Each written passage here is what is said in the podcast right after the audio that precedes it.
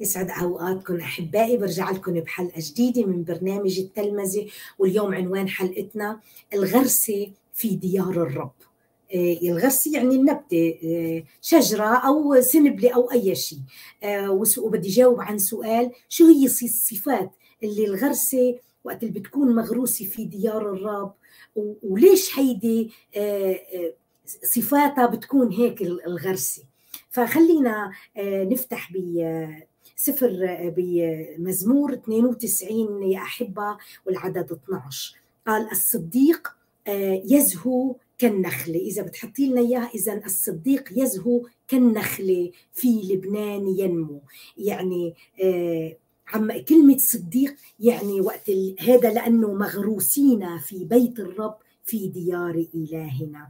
وقت اللي بتكون النبتة مغروسة في بيت الرب يعني هنيك مكان تواجد الله وحضوره مكان تواجد كلمته لله شيء طبيعي إنه هيدي التربة يكون كلها عصارة الله فيها وكلمته لله وروح الرب والمسيح تعمل نأخذ منها لتنقل لتعطي هيدي الثمرة وهيدي الغرفة الغرسة الحياة والطهارة والقداسه والبر.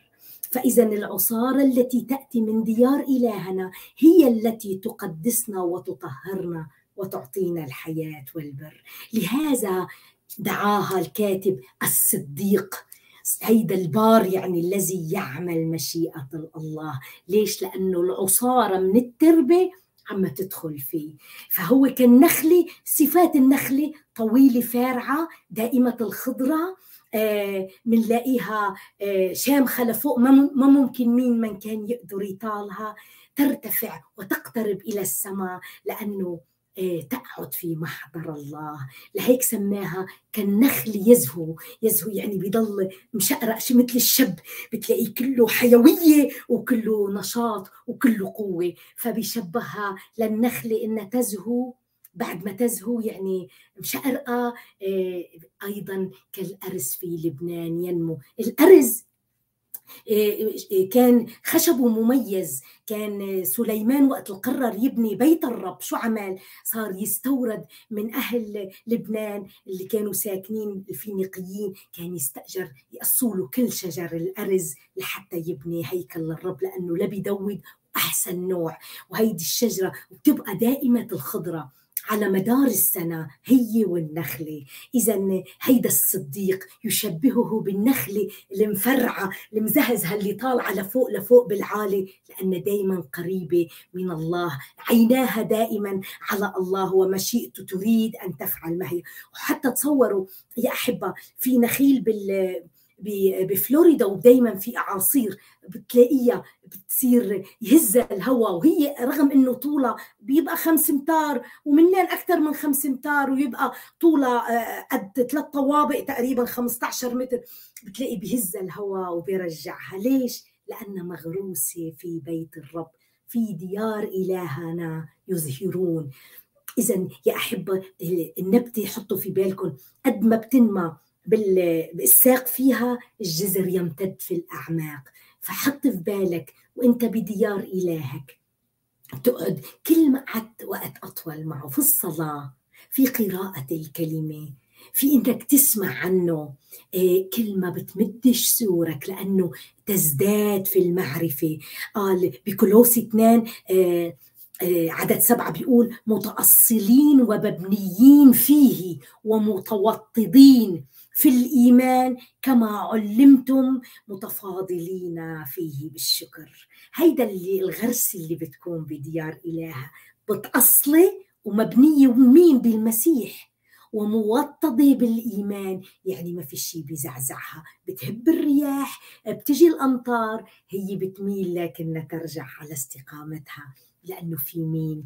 آه، حافظة لأنها موجودة بتربة إلهية في إلها عناية كما علمتم متفاضلين فيه بالشكر. إذا يا أحبة بنكمل مغروسين يزهرون. إذا النبتة بتبقى فتية بعدين بتنمى بتنمى بتوصل لمستوى أنها لازم تزهر وتطلع براعم. وهيدي البراعم تتلقح تتحول لثمار. فشوفوا يا أحبة لازم إنمو بالأول في ديار إله وبعد ما إنمو في المعرفة والإيمان واتوطد فيه لإلهنا. وبثقتي فيه بلش طلع زهور.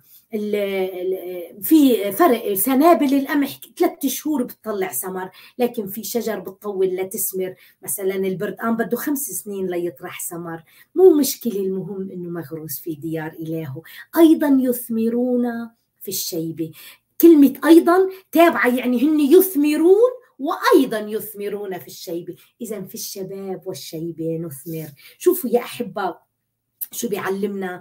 بمزمور 103 عدد خمسة قال الذي يشبع بالخير عمرك فيجدد مثل النسر شبابك. أما منتظرو الرب بإشعياء 40 31 فيجددون قوة يرفعون أجنحة كالنسور يركضون ولا يتعبون. هيدي صحيح جسد فينا بيهرم يا أحبة لكن الله يتكلم عن الروح التي فينا. تتجدد نركض ولا نتعب نمشي ولا نعيا. شو بيقول؟ بول آه كثير آه مزمور 84 وهو عم يهلل فيه آه شو اسمه داود شو بيقول بالعدد عشرة؟ لأن يوما واحدا في ديارك خير من ألف. كانوا من زمان يعتبروا أنه مكان تواجد الله في الهيكل. فكان يقول له اخترت الوقوف على العتبة في ديار إلهي على السكن في خيام الأشرار. شفتوا يا أحبة؟ قال له يا رب الجنود طوبى للإنسان المتوكل عليك. بغرس وبيوطد حاله في أرض في ديار إلهه. بياخد كل عصارة الله كل روح الله كل قوة الله كل صلاح الله. يأخذوا يختبروا يعيشوا يا أحبة. رجعي لنا الآية بعد ما نقول يثمرون في ديار إلهنا. ممكن الآية حبيبة قلبي آه، أيضا يثمرون في الشيبة. وحتى وهن عجايز بضل يطلعوا بركات يطرحون بركات. قال شو بيقول لك الصديق يلهج بالحكمة ولسانه ينطق بالحق. لسان الصديقين فضة مختارة. قال يكونون دساما وخضرا. يعني الثمار اللي بتعطيها بتاكليها هيك بتحسي انها ما أنا محطط لها كيماوي ولينا كبرانه على على فافوش. لكنها كلها دسم كلها غذا وكلها البلح كله بصير تمر والتمرة كلها حديد يا أحبة. هي بتنقل وقت اللي بيقول لك خذ حديد يعني خذ تمر. هيدا الحديد بيمشي بيخلي الكريات الحمر تمشي وتنقل الأكسجين بجسمك وبتعطيك حياة وانتعاش. دساما وخضرا لأنه لا شجرة النخيل بتيبس ولا شجرة الأرز بتيبس فنحن دائمي الخضرة وعندما نطرح ثمار بتكون دسمة. أنت ما بتقدر تاكل الثمر اللي بتطرحه لكن يأكله الآخرين. فهل أنت ثمرة صالحة تعطي مزروع في أرض إلهك لحتى تعطي الآخرين. ثمرة حتى وبالشيبة تعطي ثمرا دسمة وخضراء باستمرار. ليش طيب؟ هلأ سؤالي بدي جاوب على لماذا؟ لماذا في ديار إلهنا نزهو ننمو نزهر ونثمر؟ قال ليخبروا. بأن الرب مستقيم. شايف يا حبيبي؟ الناس ما تعرف أنه الله مستقيم. no no no الله لا تع... الناس لا تعرف أن الله مستقيم. خلي لي يا حبيبة قلبي. هو مستقيم. آه، أنا بعد ما بختبره أخبر عنه بأنه مستقيم. لأني أنا جربت استقامة إلهي. فكيف هو مستقيم؟ قال كثيرة هي بلايا الصديق لكن من جميعها ينجيها الرب. هو مستقيم مهما آه، كاتفت الأشرار علي. إلهي لن يتركني لأنه مستقيم سوف يعطيني قال له عينا الرب نحو الصديقين وأذناه إلى صراخهم. شايفين قديش إلهنا مستقيم؟ هيدا مزمور 34 أيضا إلهنا بنكمل ليخبروا بأن الرب مستقيم ويخبروا بأن الرب صخرتي. اللي اختبر يا أحبة إنه ينزرع في ديار إلهه ياخذ عصارة إلهه الحياة الممتدة منه يصير هو صخرتي متكلي وحمايتي. إذا إجت عاصفة بتخبى بالصخرة هي بتصير ملجأ إلي. هاي الصخرة لا تتزعزع. أنا وقت أقوم وأشهد. عن كيف أنت صخرتي يا سيد الرب؟ اسمعوا عن الصخرة شو بتقول الآيات. أمثال عشرة عدد 25 بيقول كعبور زوبعة فلا يكون الشرير. الشرير زوبعة بتاخده. أما الصديق فأساس مؤبد. مثل المبني على الصخر تأتي الرياح السيول لا تقدر عليه لأنه مؤسس على الصخر. هيدا اللي مزروع هنيك يا حبيبي. أيضا بمزمور خمسة عدد 12 بيقول لأنك أنت يا سيدي يا أنت تبارك الصديق. كأنك تحيطه بالرضا. بترسم كأنه بترسم ترس يعني بتجي أي هجمات إبليس؟ أنا وقت اللي بختبر يد الله الصالحة وقت الإبليس بيريد يوقعني بالخطية يشككني في إلهي وبصلاحه وبمحبته. بيجي إلهي بحط لي ترس الكلمة لأن أنا هناك مغروسة. بيسندني بحجران. النبتة الفتية يا أحبة تاخدها الهوى وبتجيبها. لكن اللي مزروعة في ديار إلهي بيسيج حواليها حتى مهما أجت الرياح لحتى يعسى الساق تبعها لأنه هي لينة بتميل لكن لمن بيعسى الساق تبعها بتضل قائمة مستقيمة قريبة من الله وعيونها دائما على الله مش على المشاكل.